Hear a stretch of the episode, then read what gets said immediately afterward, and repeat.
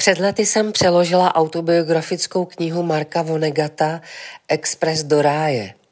Vypráví o tom, jak si parta amerických vysokoškoláků na konci 60. let koupí v britské Kolumbii starou farmu, na které se usadí. Meditují, hrají na různé hudební nástroje a živí se tím, co vypěstují. Intenzivně pracují na posilování svého duševního zdraví. Po pár měsících hlavního hrdinu postihne schizofrenie, což se nejdříve projevuje velkou dávkou paranoje. Cítí se zodpovědný za zemětřesení v Kalifornii, omlouvá se stromům při prořezávání, odmítá se nadechnout ze strachu, že ublíží mikrobům.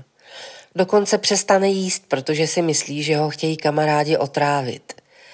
V tu chvíli je jasné, že jde do tuhého a Mark musí být hospitalizován. Po pár letech a několika recidivách se vyléčí a v závěru své knihy píše, že víc než medicamenty mu pomohla podpora jeho blízkých a velké dávky vitamínu C. Zároveň varuje před tím, že stavy schizofreniků mohou být přenosné. Strýc mé kamarádky je taky schizofrenik, který špatně snáší rušné prostředí paneláku. Rozhodli jsme se vzít ho na pár dní do nízkopodnětového prostředí mé chalupy, kde si odpočine. Když jsme vstoupili na dvůr, Mireček vážně prohlásil. Já vím, že mě celá vesnice sleduje, tak mi dejte nějakou práci, ať to vyženu z hlavy. Poprosili jsme tedy Mirečka, aby nařezal větve tůje, ze kterých pak vyrobím otýpky na zátop. Měly by být asi takhle dlouhé. Dala jsem mu jako vzor 40 cm klacek. Když jsem ho přišla po hodině zkontrolovat, větve byly sice nařezané, ale zbavené jehličí, aby vypadaly co nejvíc jako klacek. Zmocnil se mě tísnivý pocit, že jsem Mirečkovi špatně zadala práci. Začala jsem dělat otýpky, ale bylo mi líto větví, které přišly o všechno jehličí. Za chvíli nás zavolala kamarádka na polévku.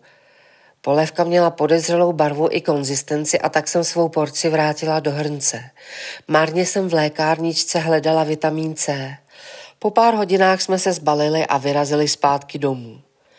V autobuse jsme si s Janou začali povídat o knize Express do ráje, jenomže po pár minutách nás začaly dvě cestující za námi komentovat. To jsou teda snobský čůzy. Jako, my jsme taky čůzy, ale tyhle dvě, to jsou mega čůzy, podívej se na ně. Nechtěli jsme vystavovat Mirečka konfliktu a tak jsme raději vystoupili. Já věděl, že je tam bomba, řekl Mireček. Z okénka autobusu k nám dozníval zbytek rozhovoru. Jako v tomhle časáku je to prostě samá čůza. Řekla jedna z žen a znechuceně otočila stránku bulváru. Aha, takže to nebylo na nás.